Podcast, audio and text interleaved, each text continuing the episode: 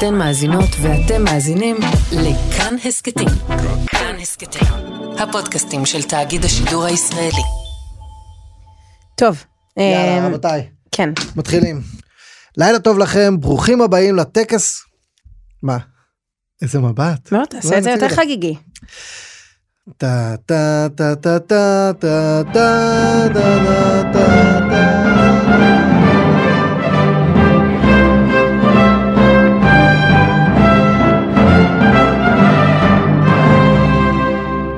ברוכים הבאים לטקס חלוקת הפרסים השנתי של עוד יום. מי עשו לנו את השנה החולפת? מי הרסו אותה? למי הייתה שנה פוליטית מצוינת? למי מזעזעת? ועל מי כדאי לנו לשים עין בשנה הבאה? איתנו כאן בחירת מערכת עוד יום, גילי כהן, אהלן. היי עקיבא, אני לבשתי את המחלפות הכי יפות שיש לי בארון, אני מקווה שגם אתה באת זרקתי חגיגי. עליי- זרקתי מה שהיה בארון, אני עקיבא נוביק, והשנה הפוליטית האחרונה הייתה מאוד לא רגילה. המון תקדימים, אה, התרחשויות של 12 שנים נדחסו בממש מעט זמן, תחזיות עיתונאיות התנפצו, אנחנו כאן כדי לספק חדשות, והכנסת הנוכחית שוברת שיאים באמת של גובה ושל נומך. תראה, חשבנו שלא נגיע לסיטואציה הזו, שנתגעגע.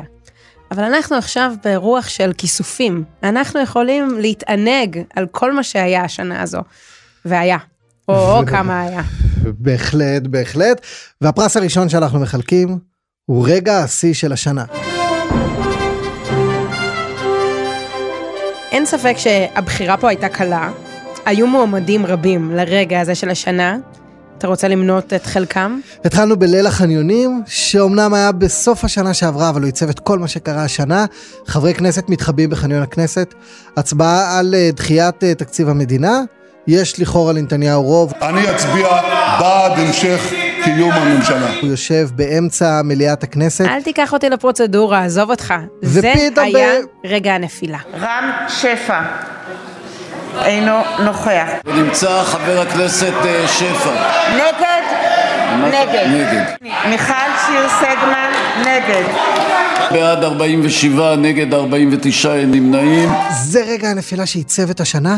שבוע אחר כך עוד רגע נפילה. גדי איזנקוט מודיע שהוא לא רץ ב-2021 לכנסת, וכעבור חצי שנה, שתי מילים מבצבצות בטוויטר של יאיר לפיד, עלה בידי. אני מנסה ברשותך לך להגיד שעלה בידי אה, להקים ממשלה עם סיעות יש עתיד, ימינה... וכמה ימים אחר כך נפתלי בנט עולה לבימת הכנסת ומודיע. ברגע מכריע כזה צריך לקחת אחריות.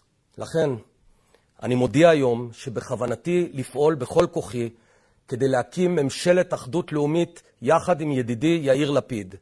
אז אפשר לומר שהיה לנו פה קרב ראש בראש. בין הציוץ של לפיד לבין עצם המעשה, הקמת הממשלה, אבל אנחנו אנשי מעשה, עקיבא. אנחנו אוהבים את התכלס. ולכן, הזוכה בפרס רגע השנה של מערכת עוד יום, הוא, היא, הם. נפתלי בנט הקים ממשלה, והוא ראש ממשלת ישראל. אנחנו בפתחם של אה, ימים חדשים.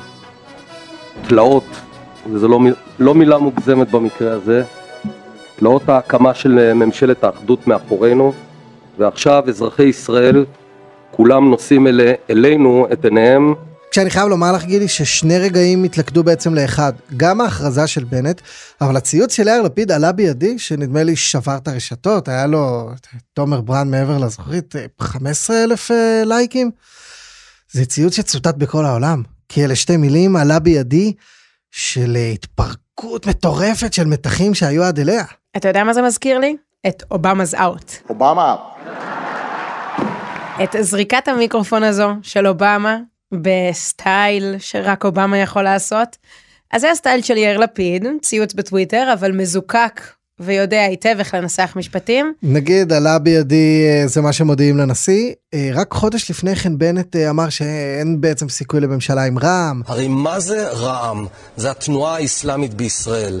זו תנועת אחות של חמאס. ובאמת עד השנייה האחרונה לא היה ברור, והיה לנו את ניר אורבך שפתאום הפך לדמות מרכזית, כל מיני דמויות ב- בימינה שפתאום נהיו להם מקורבים, ושתי המילים האלה אני חושב, אם היינו צריכים לבחור את צמד המילים של השנה, אלה המילים. אז עלה בידו, אבל לא עלה בידו לזכות בפרס. את הפרס אנחנו מעניקים למישהו אחר. אולי ב-2022. אה, מישהו יהיה גם ראש ממשלה מתישהו. ולפרס הבא, האקסים המיתולוגיים של השנה. אני חושבת שאין דבר שיותר ממצה את הפוליטיקה הישראלית מלהיות מקורב של מישהו, ואז להיות הגרוש של מישהו. ככה הפוליטיקה הישראלית נראית. יש אקסים שהולכים יד ביד עשרות שנים, נפרדים ולא נפרדים, ואנחנו פה בשביל אה, לבחור את האקס המיתולוגי המנצח. כן, והמועמדים הם, הן, לפיד ובני גנץ. בני גנץ הסתכל לי בעיניים ואמר שהוא בממשלה הרעה הזו לא יישב. והאמנתי לו. רצו ביחד שנתיים, עשו פרויקט מאוד מוצלח, היום הם כמעט ולא, בוא נגיד, לא רוצים לדבר. תראה, הם היו ברבי וקן במידה רבה. הם היו... אה, לאו דווקא מבחינת החזות, למרות שיש יאמרו שיש משהו, הם היו מין אה, דמות שעוצבה בידי מנתח פלסטי של פוליטיקה. אחד גנרל, שנראה כמו שהוא נראה, אה, השני איש שיודע לדבר אל לב הפוליטיקה הישראלית, גם שנראה כמו שהוא נראה. כן. וביחד, אתה יודע, זה אה, ספרא וסייפא, כן? זה, זה, זה חרב וספר ביחד. ביבס ובת-הד. אפשר להמשיך עם זה, דוד ויונתן. עוד נאהבים ונעימים, טיבי ומנסור עבאס. שאני לא יודע אם זה אקסים, כי הם היו ביחד במשותפת, היום היריבות שם רע מאוד. هاي مسرحية مسرحية עוד اللي انت הצגה, بتعملها الان עוד הצגה. اللي انت كل עוד مرة הצגה. بتقول حكومة الليكود مسرحية صوت ثانية. صوت זה אנחנו מדברים כל הזמן במשקפיים מאוד אה, יהודיים על הפוליטיקה, אבל יש מלחמת עולם בין טיבי ומה שהוא מייצג, המשותפת, לבין מנסור עבאס בקואליציה. נפתלי בנט ועמיחי שיקלי, עוד זוג, אני חושב שהאמביציה והאגו פשוט האפיל על בעצם השקפת העולם, שייתכן והיא הייתה מעט רדודה. רשמנו פה בנט ושקד, למרות שאני חייב לומר זה יותר it's complicated, כי הם עדיין ביחד. ובינתיים הם עדיין בקטגוריית פאוור קאפל, טוב, תמיד תהיה את השנה הבאה. והאקסים המיתולוגיים, ביבי ובנט. אני רוצה שתתרגש יותר. אני חושב שהמנצחים פה די ברורים.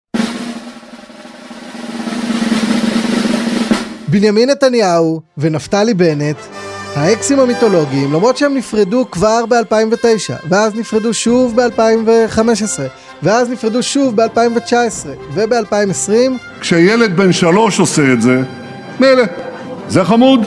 אבל כשבנט יושב על כיסא ראש הממשלה ואומר, אני טייס, אני אומר לכם. אבל לא על כל שיחת טלפון עם בורלה עושים מסיבת עיתונאים. דחילק. יש לך אח קטן, עקיבא נוביק? יש לי אחות קטנה. זה לא אותו דבר. לי אין, אבל זה מערכת יחסים כזו, של אח בוגר ואח קטן, שמקנית אותו ומחטיף לו, ופתאום האח הקטן מנצח. מי היה מאמין? יש רגע ב- בתוכנית של אסף ליברמן בזמן אמת על בנט, שיושב שם יועץ אסטרטגי, ישראל בכר מספר, כשעבדנו ביחד קראתי לו ביבון. ביבי קטן, יש אה, המון תכונות משותפות. שניהם מאוד פטריוטים, אינטליגנטים, מערביים. ב-2008, 2009, בנט הוא, הוא גרסה לא מוצלחת כמו המקור של נתניהו. כמעט בכל דבר ההצלחות שלו הן על ציר נתניהוי. ואני חושב שבבואנו לבחון את האקסיות הזאת, בנט השנה קרא לנתניהו בכנסת ביבי, ביבי נתניהו היה ככה. וחבר הכנסת נתניהו. חבר הכנסת נתניהו, ואז התעלם ממנו, ואז קרא לו קודמי בתפקיד. המדיניות הסוררת של קודמי, יש שם איזו אובססיה. אז אה, באמת אה, לא צריך אה, עיניים שרואות היטב בשביל לזהות את הקשר ה- הדיאדי הזה בין, בין השניים, אבל יש שם עוד משהו. תראה, אה, נפתלי בנט בזמן שאנחנו מדברים סוגר חצי שנה בתפקיד. במידה רבה, בגרותו הייתה יכולה לבוא לידי ביטוי בהתעלמותו, והוא לא עושה את זה. הוא לא מתעלם מהפיל העצום בחדר שעדיין נשאר. הזכרת את הקודמי, הרי במידה רבה הוא היה יכול פשוט להתעלם מהאיש. והוא כל כך מתאמץ להראות כמה הוא מתעלם, ממש צועק, תראו אני מתעלם, זה הכי בלט באירוע אחד השנה, אה, כשבני הזוג אוקנין חזרו, בלי רוח וצלצולים. כל כך שמח שבאתם הביתה. תודה, תודה. גם אנחנו שמחים ומודים ומאושרים. ברוך השם. תודה. וכמה רוח וצלצולים היו סביב זה שלא היו רוח וצלצולים. ועכשיו לפרס שאני חיכיתי לו. רוקי השנה. תראה, אמ, אני חובבת כדורסל קטנה, אחי מאמן כדורסל, אז גדלתי בבית שיודע מה זה כדורסל ויודע מה זה רוקי. מה זה רוקי? רוקי זה כמו הילד הקטן של השכבה שמתבלט, והנה עכשיו כל העיניים נשואות אליו. זה יתרון וחיסרון, כי להיות רוקי זה להיות המסומן, ומי שמסומן לפעמים הכישלון אצלו הרבה יותר כואב, אבל זה, אתה יודע, זה הגילוי החדש והמסעיר, ובאמת, וואו, אנחנו רק מחכים לראות מה יקרה איתו. והמועמדים לפרס אה, הטירון המצטיין של השנה. רוקי השנה. ח"כ שנה הראשונה, גלית דיסטל אטבריאן מהליכוד, אביר קארה מימינה, שמחה רוטמן מהציונות הדתית, יום טוב כלפון מימינה, ועמיחי שיקלי ממפלגת It's Complicated. אז שוב, היינו פה באמת בלבטים מטורפים, כי זה קרב ראש בראש. עד הרגע האחרון אה, ישבו פה הצוותים, אה, באמת האור דלק כאן בתאגיד עד הדקות האחרונות לפני הזכייה. ואתה יודע מה המדגמים אמרו? נו. המדגמים אמרו שיש לנו פה זוכה.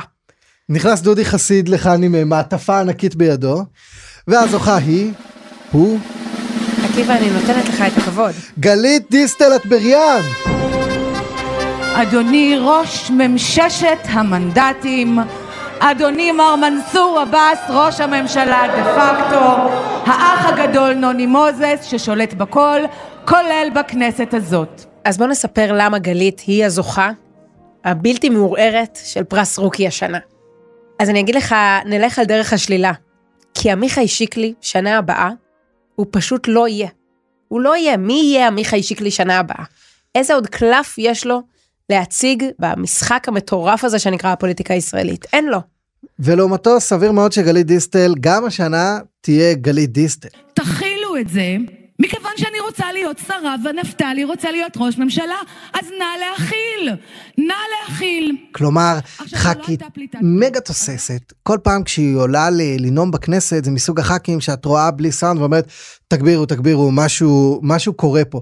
ראיתי אותה בכנסת אלף פעם עולה באמת בלי אנרגיות כלומר עולה לנאום מסדרת את הדפים ואז בבת אחת עוברת ל-200 קמ"ש. מיכל רוזין לא מדברת על זה, המשטרה לא מדברת על זה, הפמיניסטיות הנהדרות שלנו לא מדברות על זה, וצורחת, והיא חיה את זה. קשה מאוד לזייף כאלה אנרגיות, ואת יודעת, בתקופה שבה הליכוד די דוהה, כשהליכודניקים רובם נעלמים ושרים דועכים לאט לאט, שרים לשעבר, גלית דיסטל באה באה לריב. אמרת מירי רגב? אמרתי, ישראל כץ, איפה יולי אדלשטיין, אה, יואב גלנט, אנשים שלא נתנו קריאת ביניים אחת. אנשים שלא אמרו ממשלת הנוכלות והזדון פעם אחת, ולעומתם, גלית דיסטל, את יודעת, היא, היא, היא שורפת את הרחובות. עכשיו, לכל מי שמאזין ומאזינה לנו, לדעתי, יש דעה על גלית דיסטל. אני אמנה עכשיו את אה, 20 הח"כים הנורבגים שהצטרפו השנה לכנסת, או ח"כים אחרים שזאת השנה הראשונה שלהם בפוליטיקה. מעטים מאוד מאוד הגיעו לגלית דיסטל, ואני חייב לומר על עמיחי שיקלי מקום שני, הוא היה מאוד קרוב כי הוא עשה אה, פוליטית הכי הרבה רעש, ופוטנציאל הבלגן שלו היה אדיר. אם הוא היה רק מצליח לגייס איזה יום טוב כלפון אחד, או ניר אורבך אחד, אז לא הייתה ממשלה, והפרק הזה היה נראה לגמרי אחרת. אבל הפרק הזה הסתיים כך, ועמיחי שיקלי שיחק עם הקלפים שלו, אה, אתה יודע, לא אסטרטגית. ולכן אה, גלית דיסטל היא רוקי השנה, מה שזה לא אומר. אז בואו נחזור לכדורסל, כי אנחנו מחלקים פה את פרס רוקי השנה, וגלית, אנחנו רוצים ששנה הבאה, לפחות היא בהתמודדות הבאה, שלא תוותרי. אז ניתן לך טיפ של אלופים, אה, כמישהי שהייתה על המגרשים לא מעט.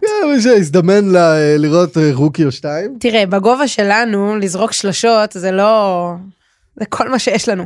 אבל לא, עכשיו ברצינות. אה, את חייבת למצוא עוד שטיק, כי בלי עוד שטיק, את תישארי גלית דיסטל מהטוויטר, או מהפייסבוק, הפייסבוק שלה אגב מטורף.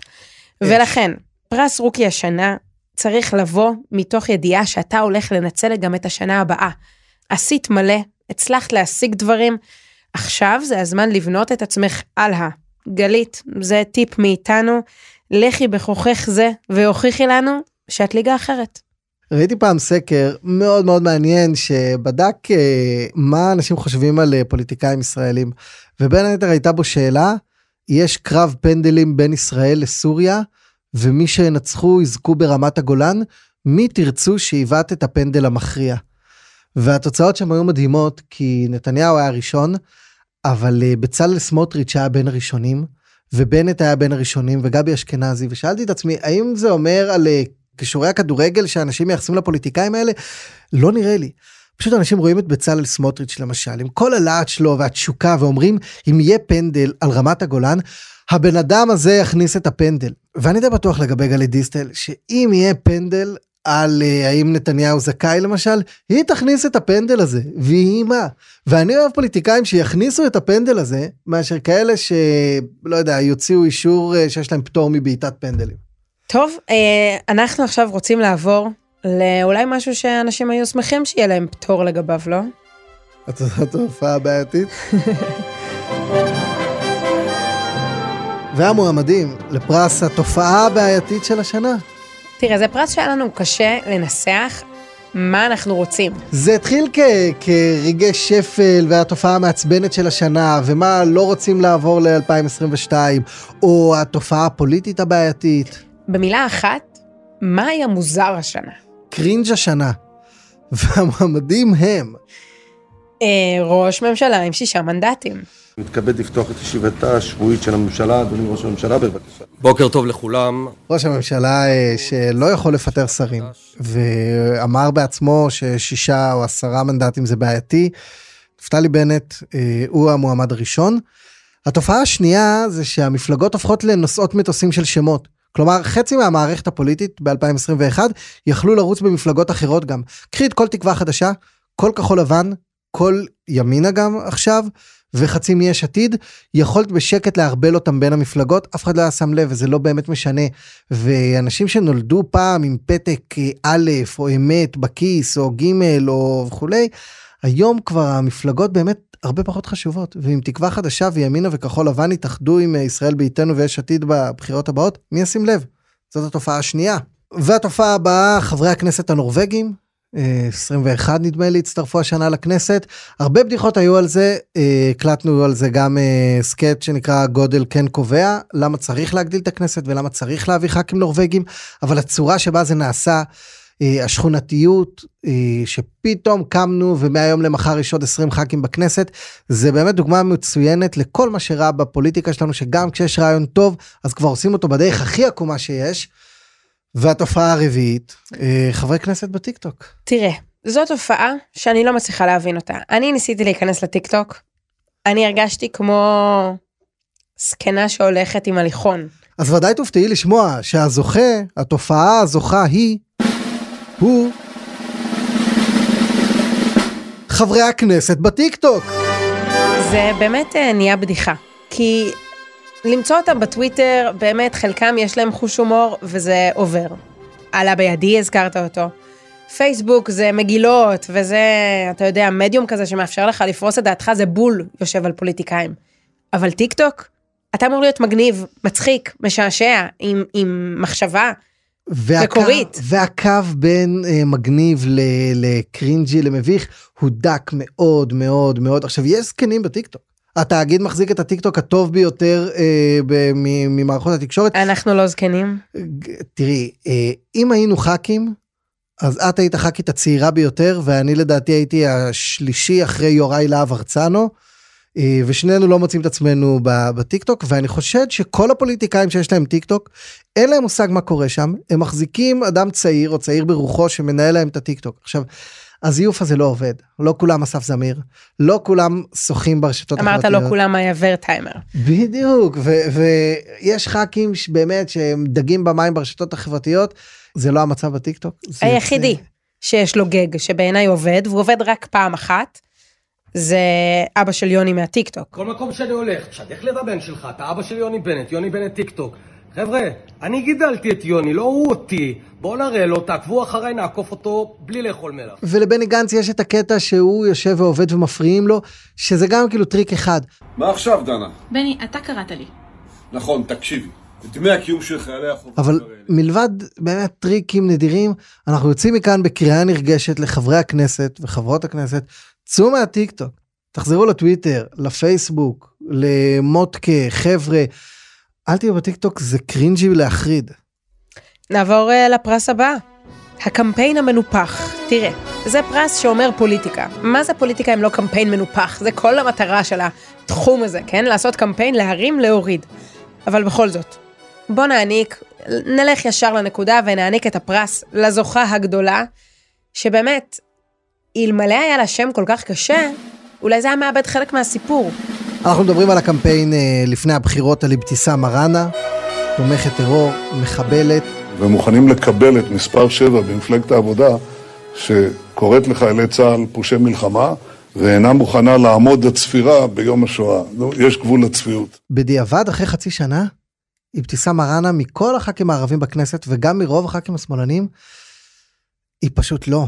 היא לא הכוכבת הגדולה של מערכות הבחירות, היא לא חנין זועבי הבאה, היא להערכתי לא שואפת אה, להשמיד את אה, זיכרון. היו לה פוסטים מאוד מאוד מכוערים לפני כמה שנים בפייסבוק, אבל אנחנו רואים, הפרספקטיבה שלנו של חוכמת הבדיעבד, זה היה קמפיין מופרך לחלוטין. ראינו את, אה, בעבר את בנט מתנצל בפני יוסי יונה ומרב מיכאלי, שגם עליהם היו כאלה קמפיינים. א', אני חושב שהאור שלהם הרבה יותר עבה. בנט התנצל כי הוא השווה את יוסי יונה לחמאס. הוא אמר שהוא תומך חמאס. על אבתיסאם מראענה, יו"ר ועדה בכנסת, אה, פרלמנטרית. אני רואה מדי פעם כל מיני אנשי ימין מרטווטים אה, ציוצים שלה, אני רואה כל מיני חיבורים שיש לה בכנסת. היה לה עוול אדיר מצד כל הסיעות הימניות בכנסת. אבל השאלה אם אלמלא העוול הזה, היא הייתה הופכת למה שהיא. היא היא הייתה אבתיסאם. לי נפתלי בנט הבטיח השנה באופן אישי, בריאיון, אני לא אקים ממשלת 61 שאבתיסאם מראענה ייעץ בה ה-61 בה. הוא אמר, אם יהיה 61 ואבתיסאם ייעץ בה, לא יכולה לקום ממשלה בישראל על אבתיסאם מראענה. עכשיו אני פותח. אם היינו עושים פרק עם הבטחות של נפתלי בנט שלא מומשו, אז היינו מסיימים בשנה הבאה. ב-2023. אני פותח את כל ה-61 של בנט. מבחינה אידיאולוגית, אני יכול לחשוב על עשרה שמות שהוא צריך להבטיח לא להקים את הממשלה לפני אבתיסאם מראענה, ולכן היא מקבלת את הגביע המיוחד של עוד יום. ואולי נעבור לרגע השיא. תמיד באוסקרים מגיע השלב הזה, שאחרי ש-700 פרסים חולקו, סוף סוף מחלקים את פרס הסרט. אז הנה הוא, אירוע השיא. שזה בעצם אה, אירוע ביבי השנה. כי לא ידענו איך לקרוא לקטגוריה הזאת. מה אומרים על האירוע הכי גדול שקרה השנה, הכי משמעותי, הכי מסיבי? האירוע הוא בעצם אה, ביבי השנה. נתניהו עוזב את ראשות הממשלה אחרי 12 שנים, פעם אחת עוזב את אה, ראשות הממשלה, פעם שנייה נשאר ומבטיח להיות מגה דיג'יגדל נתניהו. ואופוזיציונר לוחם, רץ במדרגות של הכנסת. והייתה נקודה אחת ויזואלית שקרתה במליאת הכנסת. חברי הכנסת, בבקשה לשבת. השרים המיועדים, בבקשה לשבת. אני רוצה להמשיך לכיוון הצהרת אמונים. שחבר הכנסת בנימין נתניהו התבקש לקום ממקומו ולתפוס את מקומו כיו"ר האופוזיציה. רבותיי, בבקשה, סדרנים, אני מבקש להושיב את חברי הכנסת. זה, אני חושב, אה, שמונה מטרים מפרידים בין הכיסאות. הוא קם, צעד, התיישב, הסתכל מסביב.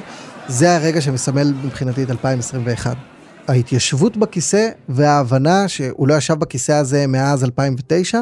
הוא אגב עזב את הכיסא הזה, עבר לכיסא אחר, וכעבור 12 שנה חזר אליו, וזה מבחינתי הרגע. השאלה אם הרגע הזה, בסופו של דבר, יישאר איתנו לשנים ארוכות קדימה כעצם המעשה, או שאנחנו אה, בעגה תם עידן. כי דיברנו על זה הרבה, גם אולי כדאי להזכיר את, את שורת הפרקים שעשינו בפודקאסט, על עידן נתניהו, ולמה בנט עושה נתניהו. וברית האחים בדרך לבלפור, אה, כך נקרא פרק על שניהם. ואנחנו ממליצים לכולם כמובן לחזור ולהאזין, אבל בשורה התחתונה, השאלה האם עצם השיפט בכיסא גם שינתה את בנימין נתניהו. כי יש בעיניי הבדל בין להיות צעיר יותר, עם פחות שנות כהונה כראש ממשלה, ב-2009 או לפני 2009, יושב על הכיסא הזה, לבין עכשיו. כי אנשים שעבדו עם נתניהו אומרים שבשנים האחרונות זה היה רק הוא, אבל באמת זה היה רק הוא. לא כמו שאנחנו העיתונאים מספרים ואומרים, הוא ניהל את זה במעין משטר מלוכני שרק הוא קובע. ולהיות בסטטוס הזה של רק אתה קובע, ופתאום לזוז הצידה, זה mind blowing. לגמרי, ושתי תחזיות שהתרסקו בחצי שנה האחרונה, גם בנט וגם נתניהו חוזים אה, זה את נפילתו של זה כבר חצי שנה. נתניהו אמר חודשיים שלושה, הם לא יעבירו תקציב, אל תלכו לשום מקום, אני כאן כדי להישאר וכולי. אה, בנט ובעצם כל הממשלה איתו חוזים שנתניהו בעצם גמור והוא נחלש וכולי. הנבחרת של נתניהו נחלשה מאוד. הליכוד היום יש שני ליכודים, יש את הליכוד השותק ואת הליכוד הצועק, אבל נתניהו כ, כפרסונה יחידה שם לחלוטין, וגם בנט שם לחלוטין. כלומר, הוא חצי שנה, אה, שום דבר לא... לא מאיים כרגע שום דבר גדול על זה שיאיר לפיד יחליף אותו, ועל זה שאפילו אולי יהיו בחירות ב-2025, אני חושב אבל שגם בנט וגם נתניהו יהיו בבחירות האלה. השאלה באיזה סטטוס. ואם כבר אה, מבט לעתיד, אנחנו אה, בשיתוף ההסכת חיות כיס כמובן, בונים אה, תיק השקעות לשנה הבאה, על איזה מניות כדאי לשים עין, איזה שמות ירוצו חזק ב-2022? אז בוא נתחיל במה שמסב לנו ביטחון. במניה הבטוחה, וזו שאתה יודע שתמיד תהיה שם כדי להישאר. סולידית, יציבה. המפלגות החרדיות, ש"ס, יהדות התורה, למרות שארי דרעי כנראה לא יהיה ח"כ ב-2022. בוא נשאיר בצד את ההערכות שלך כשאתה מדבר על אה, שוק ההון ואריה דרעי. אנחנו זוכרים את בני גנץ אה, אומר אני אתן להם דף אה, שני שליש ריק עם חתימה שלי למטה שימלאו מה שהם רוצים. גם יאיר לפיד השתוקק השנה לשיתוף פעולה עם החרדים, חוץ מליברמן נדמה לי. כולם כולם רוצים לשבת עם החרדים כי הם פשוט מאוד יציבים, המחיר שלהם ברור, זה לא רע"מ, זה לא המשותפת, משלמים פעם אחת במטבע קשה, מקפיאים מצב בדת ומדינה, וזהו. זאת הצ... המניה הסולידית. התשואה ברורה, לא ממש גבוהה, אבל אתה יודע, what you see is what you get. לחלוטין. בוא נדבר על הכסף הקל, על אלה, של, על המניות האלה שאתה אומר, אני אשים את הז'יטון שלי פה, ואני ארוויח. אני הייתי שם על אה, בצלאל סמוטריץ', כי יש ריק ב- באזור שבינו לבין בנט, הרבה מאוד מאוכזבי בנט. Uh, לא כולם ילכו לליכוד, הרבה מאוכזבי גדעון סער, והעבודה הנחושה של סמוטריץ' להיות מנהיג הציונות הדתית, הוא עובד מאוד קשה, הוא מאוד נמרץ, הוא בטוויטר ובגבעות חומש וכולי וכולי וכולי. אם הוא יצליח לצבוע את עצמו בקצת פחות חרדל, אני חושב שהוא מניה מאוד טובה. אני מהמרת על מרב מיכאלי. אני חושבת שבקרב שהיה פה, מי מביא את מורשת רבין לממשלה הזו, אני חושבת שבסוף בסוף אה, היא מצליחה לגעת בקהלים ציבוריים רחבים הרבה יותר ממה שהיינו חושבים על מרב מיכאלי. המפאיניקית אה, החדשה. טוב, בוא נדבר על איפה לא כדאי אה, להשקיע. מניות בירידה. יפעת שאשא ביטון לדעתי, היו לה רגעי שיא מאוד גדולים כשהיא נגד הממשלה הקודמת. היא גם הצליחה לעשות אקזיט מאוד גדול למקום שני אצל אה, גדעון סער. מטורף. שיחקה אותה בענק. זוכר מה שאמרנו על ה rookie? כן, היא, היא הייתה שישה מנדטים לבד בסקרים, ואחר כך קיבלה מגדעון סער, היא, היא סגנית ראש הממשלה אגב, בממשלה שגדעון סער מרכיב, והיא שרה מאוד בכירה ממקום שני בשישה מנדטים. זאת מניה בירידה כרגע, ויש עוד מניה בירידה, יותר נכון לא מעט כאלה, כל שרי הליכוד, יותר נכון כל הליכוד חוץ מבנימין נתניהו, כנראה, גם הוא אגב מניה בירידה, מה לעשות. הם באמת הולכים בדרך אה, לא ברורה ולא סלולה. אה, איחלתי לחייל בהצלחה. זה מאוד קשה נפשית לעבור את התהליך הזה מלהיות שר או שרה בכירים ללהיות ח"כים. זה לא רק שלשר יש בערך עשרה אנשים שעושי דברו ולח"כ יש שלושה. הירידה הזאת, לחזור לעבודה שעשית לפני 10 ו-15 שנים. לא, אני אתקן לח... אותך. חלקם עשה, חלקם פשוט לא עשה את זה. אמיר אוחנה לא היה סתם ח"כ, הוא היה יו"ר ועדה. הוא היה בוועדת חוץ וביטחון, הוא לא בא מן השורות. איך שהוא נכנס לכנסת, הוא ידע שהוא השלטון. לקחת יחידה באמת מובחרת, אז לקחת חבורת קצינים. ואמרת לה, הייתם סגני אלוף ואלופי משנה, אבל אנחנו צריכים uh, תגבור, אז בואו להיות uh, חיילים פשוטים, uh, לעשות משמרות מליאה. תראי מי בולטים במליאה, אין שרים לשעבר, כל טבלאות הנוכחות מראות שבסוף, בסוף, בסוף יש שרים מכהנים, ואת קודמיהם בתפקיד, ולכן שרי הליכוד, גם ההתמודדות שבתוכם, ניר ברקת, יולי אדלשטיין, ישראל כץ, מירי רגב, קצת לאט לאט uh, יורדת ב, בעניין. בוא נדבר על המניה שהולכת להפתיע אותנו. מניה פרועה. למשקיעים פרועים. קטעתי פה את גדעון סער, שהוא מניה מתרסקת, אבל יש שם איזה ריק, איזה ואקום. ואם עמיחי שיקלי מקטגוריית הרוקי לא יצליח לתפוס אותו, ואם נניח, לא יודע מה, נפתלי בנט הולך הביתה באיזשהו תרחיש, יכול להיות שגדעון סער, שהוא ליכודניק אה, ותיק, יכול להיות הוא, או משה כחלון, או מישהו מנבחרת הליכוד של 2006, יהיה מניה שכדאי פה שתביא תשואה משוגעת. אמרת גדעון סער, ואני נזכרת בגבי אשכנזי. מדוע? גבי אשכנזי הלך אל הריק. גבי אשכנזי הלך לראות את הנכדים שלו לומדים ללכת. אשכרה? כן, והם הולכים. תאמין או לא, הם הולכים. גבי אשכנזי אבל לא אה, סתם את הגולל על הקריירה הפוליטית שלו. וכן, זו מניה פרועה, גם בגלל שהוא היה כבר ונכווה, אבל הזכרת גדעון סער, נדמה לי שהוא מנסה לעשות גדעון סער רק בדמות הגנרל. לצאת כמה שנים, לחזור, גדול יותר, חזק יותר, ואולי בתפקיד אחר. ואם אנחנו כבר אה, משתעשעים בשאול אמסטרדמסקי וצליל אברהם וחיות גיס, מניה שהייתי אה, שומר אה, לעוד כמה שנים, נשמע אותה הקלטה, נשלוף אותה ב-2028, בוז'י הרצוג, בכלל לא מופרך בעיניי שיתמודד על ראשות ממשלה בסוף העשור הזה. הוא יהיה בן 68, הוא יהיה כבר אחרי נשיאות, הוא, אני חושב, אולי האיש הכי שמאלני שיש לו את הסיכוי אה, להיות ראש ממשלה במפה הזאת, ותחשבי איזה ריק מנהיגותי יהיה פה ב-2028 כשהוא ישתחרר מבית הנשיא. נתניהו כנראה כבר לא יהיה פה. נתניהו בן ה-79 אז. בנט ולפיד אה, וגנץ עוד ירגישו לנו כמו איזה פוליטיקאים ותיקים, הפוליטיקה של פעם, ופתאום יבוא בוז'י הרצוג. שהוא לא היה, יכול להיות שאפילו לא היה לו שיער לבן בגיל 68, אבל יזכרו, תראי מה הוא עושה כבר בכמה חודשים של נשיאות, לאן הוא הולך, את מי הוא פוגש, כמה הוא זז איתי, הוא מתעסק בטורקיה ובזה ובחברון ופה ושם. אני חושב שגם בראשו עוברת המחשבה מה יהיה ב-2028. עקיבא, צר לי לומר, אבל זה ממש לא הימור פרוע בעיניי. כן? זו, מה זה מניה סולידית? אתה התבלבלת פה בחלוקת אה, תיק ההון שלך. אוקיי. זה בעיניי ההימור הכי בטוח שיש. בוז'י הרצוג רוצה לחזור לפוליטיקה. לראשות הממשלה. יש נשיא, ויש נשיא. אני נזכר אגב מה קרה ב-2015. הרצוג כמעט כמעט כמעט היה ראש הממשלה הוא כבר ממש הרגיש את זה יכול להיות שמאז הוא באיזה מין סיבוב עקיף של סוכנות ואז נשיאות והכל בעצם תחנות uh, המתנה לראשות הממשלה. ממש כך. תהיה גם שאלה האם הוא בעצם הוא שמאלני הוא היה יו"ר מפלגת העבודה הוא היה זה אבל הוא יגיד תראו מה עשיתי פה שבע שנים. יכול להיות שיהיה ראש הממשלה מהמרכז. שכחתם שאתם שמאלנים. כן השני אחרי יאיר לפיד. ואני רק חושב מי יהיה המועמד מימין שירוץ מול בוז'י הרצוג? האם זה יהיה נפתלי בנט? האם זה יהיה בנימין נתניהו? או לא ורגן? אנחנו נהיה פה עם הפרסים, גם בשנה הבאה וגם בשנה אחרי זה, ואני מבטיחה לך, עקיבא, שרוקי השנה יפתיע. אני בטוח. גילי כהן, תודה רבה. תודה, עקיבא. ותודה לכם שהאזנתם, ותודה לדניאל אופיר שהפיק וערך את הפרק הזה, תודה לתומר ברנד העורך כאן איתנו באולפן. חיים זקן היה הטכנאי שלנו, עיצוב קול ומיקס עשתה השנה רחל רפאלי, ולכל המאזינים שרוצים לשלוח את תגובות השנה, זה יהיה הפרק הבא, תגובות שירימו הכי הרבה, לעוד יום, תוכלו, אה, בכל הרשתות החברתיות שלנו. חפשו גילי כהן, חפשו עקיבא נוביק, בטיק טוק, בפייסבוק, בטוויטר.